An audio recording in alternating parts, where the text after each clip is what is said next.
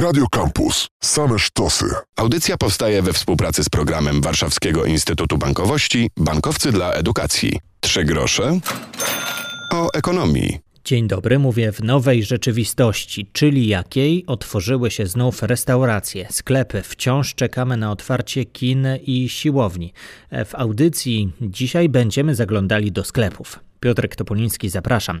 Jak podaje Retail Institute, w kolejnych tygodniach będziemy chodzili do centrów handlowych, ale rzadziej i na krótszy czas. Bardziej planujemy nasze zakupy, chętniej też zamawiamy w necie, a odbieramy w sklepie. W audycji pojawią się rady dla przedsiębiorców, właścicieli sklepów. Sprawdzimy też, czego ostatnio kupowaliśmy więcej i czego Polacy już nie kupią. Ale zaczniemy od e, przeglądu najważniejszych wydarzeń. W kolejnych miesiącach jeszcze bardziej może wzrosnąć bezrobocie, ostrzegają ekonomiści banku ING. Istotne znaczenie zacznie odgrywać recesja. Jak podał Główny Urząd Statystyczny, zatrudnienie w kwietniu spadło o 2,4% w porównaniu z marcem. W kwietniu tego roku, w porównaniu z poprzednim kwietniem, banki i skoki udzieliły mniej kredytów, zarówno w ujęciu wartościowym, jak i liczbowym. Tak wynika z danych Biura Informacji Kredytowej, partnera programu Nowoczesne Zarządzanie Biznesem. Ponad 4000 uczestników zgromadził Europejski Kongres Gospodarczy Online. Tematami rozmów były sytuacja na rynku pracy w energetyce, cyfryzacja e-commerce i rynek startupów. Wszedł w życie zakaz sprzedaży papierosów mentolowych i z kapsułką. Nowe regulacje zostały wprowadzone na mocy unijnej dyrektywy tytoniowej. Do tematu jeszcze dziś wrócimy. Air France KLM wycofuje Airbusa A380, największy pasażerski samolot świata. Pandemia przyspieszyła decyzję francusko-holenderskiej grupy. Powód to zbyt wysokie koszty utrzymania. Trzy grosze o ekonomii. Sklepy znów otwarte, ale warto z ostatnich dwóch miesięcy wyciągnąć pewne nauki, zauważają ekonomiści Deloitte. Jak mówi Michał Pieprzny z Departamentu Strategii, właściciele powinni zadać sobie kilka ważnych pytań. Czego możemy się spodziewać po klientach? Co, ilu ich się możemy spodziewać, tych klientów w naszych sklepach versus w kanałach bardziej online'owych e-commerce? Co oni będą chcieli kupować, jakich produktów będą szukać, jak zasobne będą mieli portfele, jakie półki cenowe będą przez nich najbardziej pożądane, jak dostosować to, co będzie na półkach. Z drugiej strony dostosowanie sklepu, czyli przygotowanie się od strony czy layoutu, czy formatu, czy wystawienia produktów na półkach zgodnie z ich preferencjami. Oraz trzeci, ostatni, ale również ważny element, jak to wszystko skoordynować, jak zbierać informację zwrotną ze sklepów, jak przekazywać te informacje i jak szybko reagować, ponieważ mimo, że otwieramy sklepy i wracamy do normalności, wszyscy mówimy o tej nowej normalności, to nikt do końca nie wie, jaka ta normalność będzie. Wszystkie przeszłe analizy dotyczące koszyków, zakupów itd. Tak mogą się okazać niekoniecznie adekwatne do najbliższego planowania. Stąd powstaje potrzeba dosyć takiego szybkiego, sprawnego i płynnego i elastycznego analizowania i reagowania na obecną sytuację. Reagowania, aby dostosowywać ofertę handlową, model biznesowy, komunikację do tego, co będziemy obserwowali i co się będzie działo w sklepach. Trzy grosze o ekonomii. W ciągu ostatnich 10 tygodni więcej wydawaliśmy na produkty codziennego użytku o 5% w skali roku. Na wirusie zyskały leki, suplementy i papierosy. Podaje Rzeczpospolita, która cytuje analizę firmy badawczej Nielsen. W audycji dzisiaj rozmawiamy o nowej sklepowej rzeczywistości. Jak zauważa Michał Pieprzny z Deloitte, powrót do nowej rzeczywistości dla wielu przedsiębiorców jest niełatwy.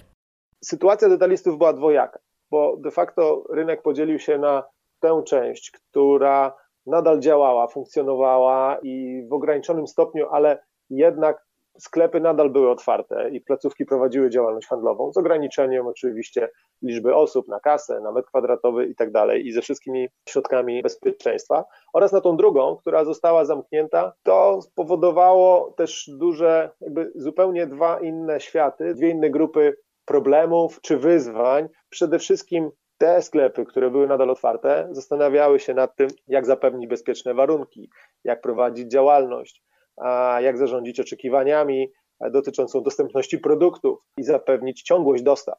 Z drugiej strony, firmy e, i detaliści, którzy byli zmuszeni zamknąć swoje sklepy, stanęli przed wyzwaniem, jak w tym czasie, kiedy nie działają, utrzymać ciągłość jakiejś relacji z klientami, tak, że w momencie, kiedy oni się otworzą, a co lepiej nie wiadomo kiedy się otworzą, ci klienci wrócili jak najszybciej i, i, i zaczęli ponownie kupować. Jakie rozwiązania alternatywne znaleźć? Czy otwierać na gwałt kanały zdalne, czy przesuwać tam większość sprzedaży? I to de facto zupełnie jakby planowanie nowej działalności biznesowej. Polubiliśmy zakupy w sieci. Trochę nas do tego zmusiła sytuacja. Jak zauważa Anna Bystryk z Deloitte, zmieni się teraz e, nasze klientów kupowanie. Ocena produktów, poszukiwanie ich w sklepach bądź też w internecie, sam etap dokonywania zakupu i transakcja i też obsługa posprzedażowa. Będzie większa potrzeba bezpieczeństwa i dystansu społecznego. Ponadto klienci też w trakcie kwarantanny wyrobili sobie nowe nawyki, poznali nowych dostawców, nowe sklepy, a także rozwiązania technologiczne, które e, najprawdopodobniej zostaną z nimi na dłużej. Klienci dążą teraz do ograniczenia kontaktów e, zarówno z pracownikami sklepu, a także z samymi produktami, wykorzystanie narzędzi technologicznych, które z jednej strony pozwalają im na poszukiwanie informacji, sprawdzanie składów produktów, zapoznawanie się z opiniami innych użytkowników są niezwykle ważne, a także dokonywanie zakupów w sposób bezstokowy. Tutaj mowa o wykorzystaniu takich rozwiązań jak Scan Go, bądź też zamawianie zakupów przez internet i odbieranie ich w sklepie, aż w końcu płatności bezstykowe, czyli nawet bez wykorzystywania karty, a płatność za pośrednictwem telefonu bardzo zyskują na znaczeniu. Też to, co warto zauważyć, to to, że klienci właśnie otworzą się e, zapewne na nowe marki, nowe sklepy, o których być może wcześniej nawet e, nie słyszeli przed e, okresem kwarantanny, ale ponieważ mają pozytywne doświadczenia z zakupów online, które dokonywali w tym okresie zamknięcia, to na pewno część z nich będzie z nimi na dłużej. I to w pamięci muszą mieć przedsiębiorcy. W temacie nowych technologii w kwietniu o 50% wzrosła popularność opcji odbiór w punkcie, podaje Poczta Polska. W całym kraju jest ponad 12,5 tysiąca takich miejsc, w których swoją paczkę można odebrać. A gdy doliczymy jeszcze do tego paczkomaty impostu, a jest ich 6 tysięcy, to jest to całkiem pokaźna liczba miejsc, w których możemy odebrać się paczkę szybko, bezpiecznie, bez kontaktu bezpośredniego z człowiekiem. Za chwilę, na chwilę do tematu zakupów jeszcze powrócimy. Papierosy mentolowe zniknęły ze sklepów. Autorzy unijnej dyrektywy przekonują, że to w trosce o nasze zdrowie, bo dymek mógł kusić zapachem. Z drugiej strony Jacek Podgórski, dyrektor Instytutu Gospodarki Rolnej, mówi w rozmowie z agencją Newseria, że nowe prawo oznacza straty dla rolników, a także dla mniejszych sklepów. Jeżeli spojrzymy tylko na nasz kraj, na rynek wyrobów tytoniowych, to dostarcza on do budżetu państwowego rokrocznie około 25 miliardów złotych. 30% tego rynku stanowią papierosy mentolowe. Teże papierosy mentolowe zaopatrują e, około 100 tysięcy małych sklepików, czyli mówimy o sektorze głównie małych i średnich przedsiębiorstw stanowiąc często nawet niecałą połowę przychodu takich sklepikarzy. Więc mówimy o bardzo wymiernych skutkach dla, dla samych e, sprzedawców, ale także o ogromnym kryzysie, e, z którym może zmierzyć się polskie rolnictwo, ponieważ plantacje tytoniu to w Polsce bardzo duża gałąź biznesu rolnego. Polska jest drugim w Europie i trzecim na świecie producentem wyrobów tytoniowych. Wobec tego takie regulacje, jakie przychodzą do nas wraz z dniem 20 maja, uderzą bezpośrednio, szczególnie w polskich rolników, którzy mieliby szansę w przyszłości rozwinąć się i pójść w tym kierunku nowoczesnego trendu nakreślanego przez branżę tytoniową, czyli na przykład systemy podgrzewania tytoniu, w których cały czas mentol, aromaty i smak mentolowy będzie mógł być dostępny. Maciej Ptaszyński, wiceprezes Polskiej Izby Handlu, obawia się wzrostu szarej strefy. Z dostępnych badań wynika, że około 20% konsumentów deklaruje, iż gotowych jest zwrócić się w stronę szarej strefy, jeżeli papierosy mentolowe nie będą dostępne.